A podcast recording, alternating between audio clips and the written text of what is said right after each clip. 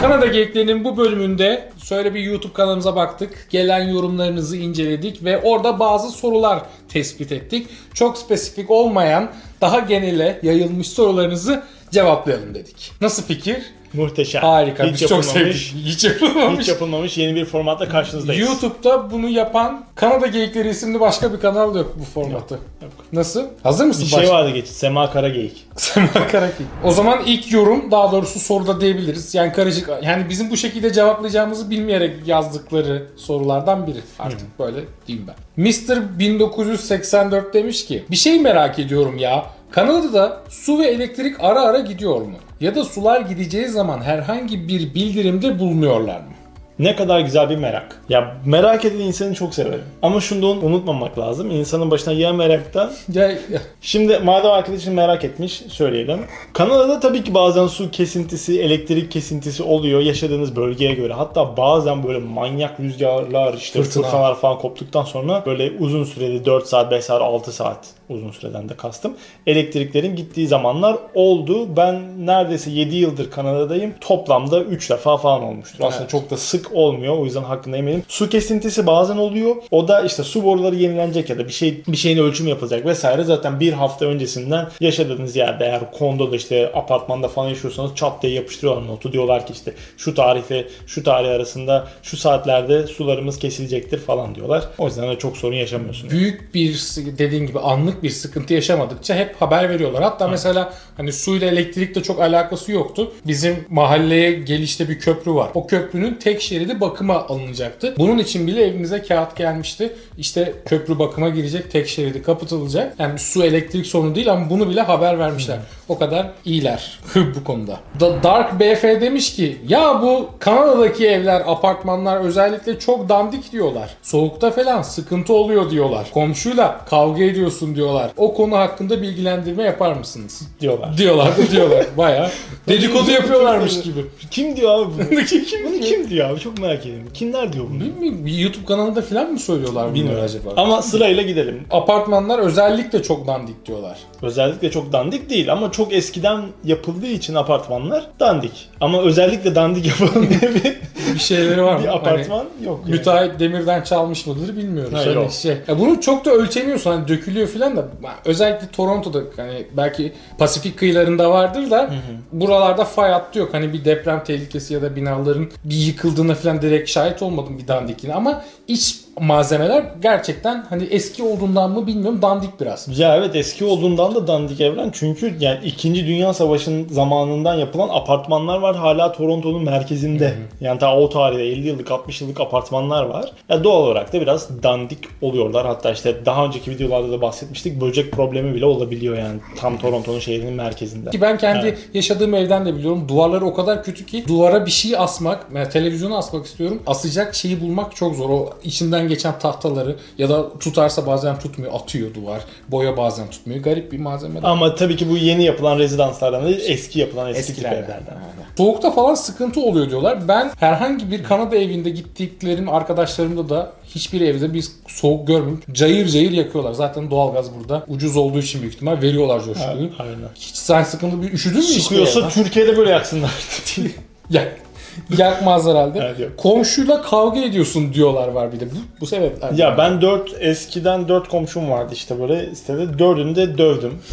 Ev soğuk diye demiş değil mi? Ev soğuk diye ve dandik diye. Şeyde- Tahta vardı. bir şey söyleyeceğim. E, Türkiye'de şey mantığı vardır yani. Üst kattaki ile alt kattaki yakmayınca ortadaki daha çok yakmak zorunda Evet, kalır evet. Öyle bir sıkıntı çekiliyor. Mesela burada böyle bir şey yok. Cayır cayır herkes yakıyor. Çünkü merkezi sistem. yani herkes Genelde kendi mer- ama mesela evde sen yakıyorsun şimdi. Sizin evde hayır canım. Bizim evde merkezi sistem. Senin evde Ha, benim evde biz kendimiz yakıyoruz. kendin yakıyorsun. İstediğinde kapatabiliyorsun. İstediğim zaman kapatırım. Hiç şey yaptın mı? Ulan yakmayayım filan. Hiç düşünmedin Ben- değil mi? Hiç düşünmeden yakıyorsun. Abi çünkü pahalı değil ki. Yani hani deli gibi yaksam, deli gibi yaksam. kadar gelir? 100 dolar, 110 dolar falan. 110 Yok. dolar. Suyla birlikte. Yani şimdi aslında burada şöyle bir şey var. Elektrikle doğalgaz birlikte geliyor. Elektrikle su birlikte geliyor. Bir de doğalgaz ayrıca geliyor. Evet işte onu diyorum. Doğalgaz ne kadar ki gelmedi daha galiba. Ya doğalgaz henüz gelmedi. Yo doğalgaz geçen ay 86 dolar falan geldi. 80 evde sıcak cayır cayır yakıyor. Aynen deli gibi yaksak muhtemelen 150 dolar falan gelir. O da çok çok yakarsak. 150 yani. dolar. Yani birim fiyata bakınca gayet Çok güzel güzel bence. 150 TL gibi düşün kocaman ev. Kaan Palığın demiş ki abi şöyle bir PlayStation 5 alıp orada fiyatlar ne diye bir bilgilendirme yapıp inceleseniz efsane olmaz mı? Süper olur ama PlayStation 5 yok. Evet piyasada PlayStation 5 bulamıyorsun. Kalmadı. Sen e, oynamıyorsun zaten. Bu arada ben itiraf ediyorum. Eren'in PlayStation 4'ü vardı. El koydum oynamıyor çünkü. Ben. PlayStation 3'üm vardı. O da. Ya, Yok ona, ona hediye, aldım. almıştım. Doğru. Terbiyesiz ya. Evrenin son PlayStation 3 ve 4'ünün bütün sponsorları benim. Biri doğum günü hediyesi, diğeri zorunlu aldı. Oynamıyorsun. Oynardım belki bıraksa. Oynamıyorsun abi. Yani oynamıyorsun. Ben şimdi Ben- ona benim- Plus almışım. Bir sürü oyun indirmişim falan böyle bayağı bir atraksiyon. Nasıl getireyim ben sana onu? İşte PlayStation 5 çıksın onu bekliyorum. Yani daha doğrusu çıktı. Ön siparişi o kadar fazla ki Kanada'da şu an piyasada bulamıyoruz. Gittiğin hiçbir yerde yok. Piyasaya tekrar çıktığında ben alacağım PlayStation 5. Dördünü getireceğim. Oyna istedim. İçindeki oyunlar da senin olsun ya. Adam çöplük gibi kullanıyor beni ya. Çöp atacağını Eray'a vereyim bari. Atma satayım ben onu. Alp demiş ki Eray, Kanada'ya birçok firma girip ticaret yapmak, örneğin mağaza açmak istiyor. Fakat girdikten sonra kar edemeyip çıkmak durumunda kalıyor. Sizce bunun nedeni ne olabilir? Muhteşem. Abi bu çok güzel bir soru. Çünkü Türkiye'den gelen herkesin burada hemen bir ticarete atılma isteği oluyor. Diyor ki Aa, aslında şu eksik, bu eksik, Kanada'da bu eksik, işte Türkiye'de bu mallar çok daha iyi, bu işte servis çok daha iyi, bu ürün çok daha iyi diye böyle bir hemen bir açık varmış gibi hisse kapılıyor. Türkiye'den yeni gelen Kanada'dan, Kanada'da yaşayan çoğu Türk'ün düşündüğü bir şeydir bu yani. Türkiye'den aslında şunu getireyim. Türkiye'den işte havlu getireyim. Ama şöyle bir şey var. Kanada'da satın alma psikolojisi Türkiye'den çok daha farklı. Şimdi burada insanların böyle bu rahatlık alanlarından çıkması çok zor oluyor. Yani yıllardır aldığı bir ürün varsa örnek veriyorum ben yıllardır bu ürünü alıyorum. Böyle bir bardaktan bir şey içiyorum. Evrende Türkiye'den yeni gelmiş bir birey olarak diyor ki bunu diyor aynısı diyor Türkiye'den diyor ben getiririm çok daha uyguna getiririm ve daha iyilerini daha kalitelisini getiririm diyor. Buna vuruyorsun bu plastik gibi bu biraz daha cam gibi porselen gibi. Mantık olarak diyorsun ki bununla bunun fiyatı aynı. Bu işte porselen ama bu kağıttan. O yüzden ben bunu çok iyi satarım gibi bir açık varmış gibi hissediyorsun. Ama şöyle bir şey var. Bu satın alma psikolojisi burada çok farklı. Ben Kanadalılar yıllardır yaptığı ve yıllardır aldığı şeyden çok fazla kopmak istemiyorlar. Türkiye'de biz bazen fiyat performansa göre hemen bir ürünü satıp diğerine geçebiliyoruz. Abi bu daha uygun hem de onunla aynıymış gibi bir mantıkla yaklaşabiliyoruz. Ama buradaki insanlar o şekilde çok fazla yaklaşmıyor. Yani Kanadalılar bu konuda biraz daha kapalı diyebilirim. Bu sadece tabii Türkiye'den bir şey getirmekle de alakalı değil. Hani burada bir iş kurup burayla alakalı da bir şey yapabilirsin. Yine kapatıp gidenler oluyor. Bunun bir sebebi de piyasa araştırmasını iyi yapmadığı için. Yani piyasada hangi ürün tutuyor, hangi ürün tutmuyor. Buna iyi bakmadan bir işe kalkışanlar kapatmak zorunda kalıyorlar. Yunanlardan örnek vermişler. Ve burada bu kadar Yunan insan var işte ben bunlara bu kadar ürün satabilirim diye koskoca Kanada'da yaşayan insanların sadece bir kısmına odaklanıyor.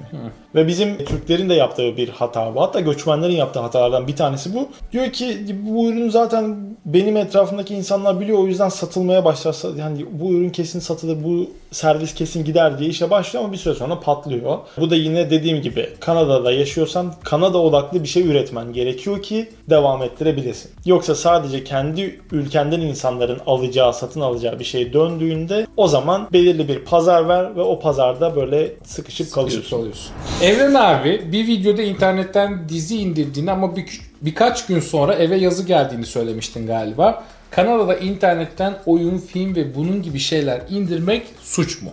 Suç. Gülnur Sarıkaya. Abilerim artık en az maliyetli gelme yöntemleriyle ilgili güncel bir video çeker misiniz? Parası olan her ülkeye gidebilir zaten. İstisnai durumlar hariç. Güzel soru Çok güzel bir soru evet. Ama- ama, bence hayat böyle değil.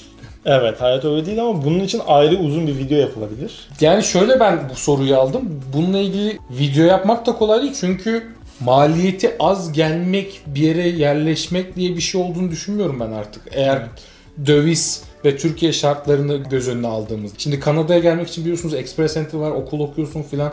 Bunlar çok maliyetli şeyler. Hadi iş bulacaksın filan ama yine bazı durumlarda cebinden ve ilk geldiğinde bir sürü para çıkması gerekiyor. Hani az maliyetliden kasıt ne ben onu bulamadım için O doğru. bu soruyu seçtim biraz da. Senin var mı ya az maliyetli diye aklına gelen bir yöntem artık Yani bu işte- dolar kurlarında? Ya doğru ya dediğim gibi işte devlet okuluna değil biraz daha ucuz koleje gelirsin. En fazla o olur. Ya da işte işte Toronto'ya değil daha küçük bir şehre gidersin. Oradan biraz daha maliyet kesebilirsin belki ama yani çok ucuza bunun bir yolu yok ya. Keşke olsa ve biz de onu söylesek çok düşük maliyetli bir şey yok yani ne yazık ki. Evet. Ali Ancelen demiş ki Bulgaristan vatandaşı olarak gelince göçmen sayılıyor muyuz? Avrupa vatandaşı olarak burada çalışabilir miyiz gibi bir söz söylemiş. Bu da çok sık gelen sorulardan biri. Yorumda da rastladım. Bunu bir kez daha açıklık ve netlik haline bir şeylere sokalım. Yani şöyle ki göçmenliğe geldiğinde sizin nereden olduğunuzun hiçbir önemi yok. Yani bir Amerikalı da, bir Zimbabveli de, bir Türk de, bir Rus da göçmenlik sisteminde aynı şeylerden ilerliyor. Express Entry'den bahsediyorum.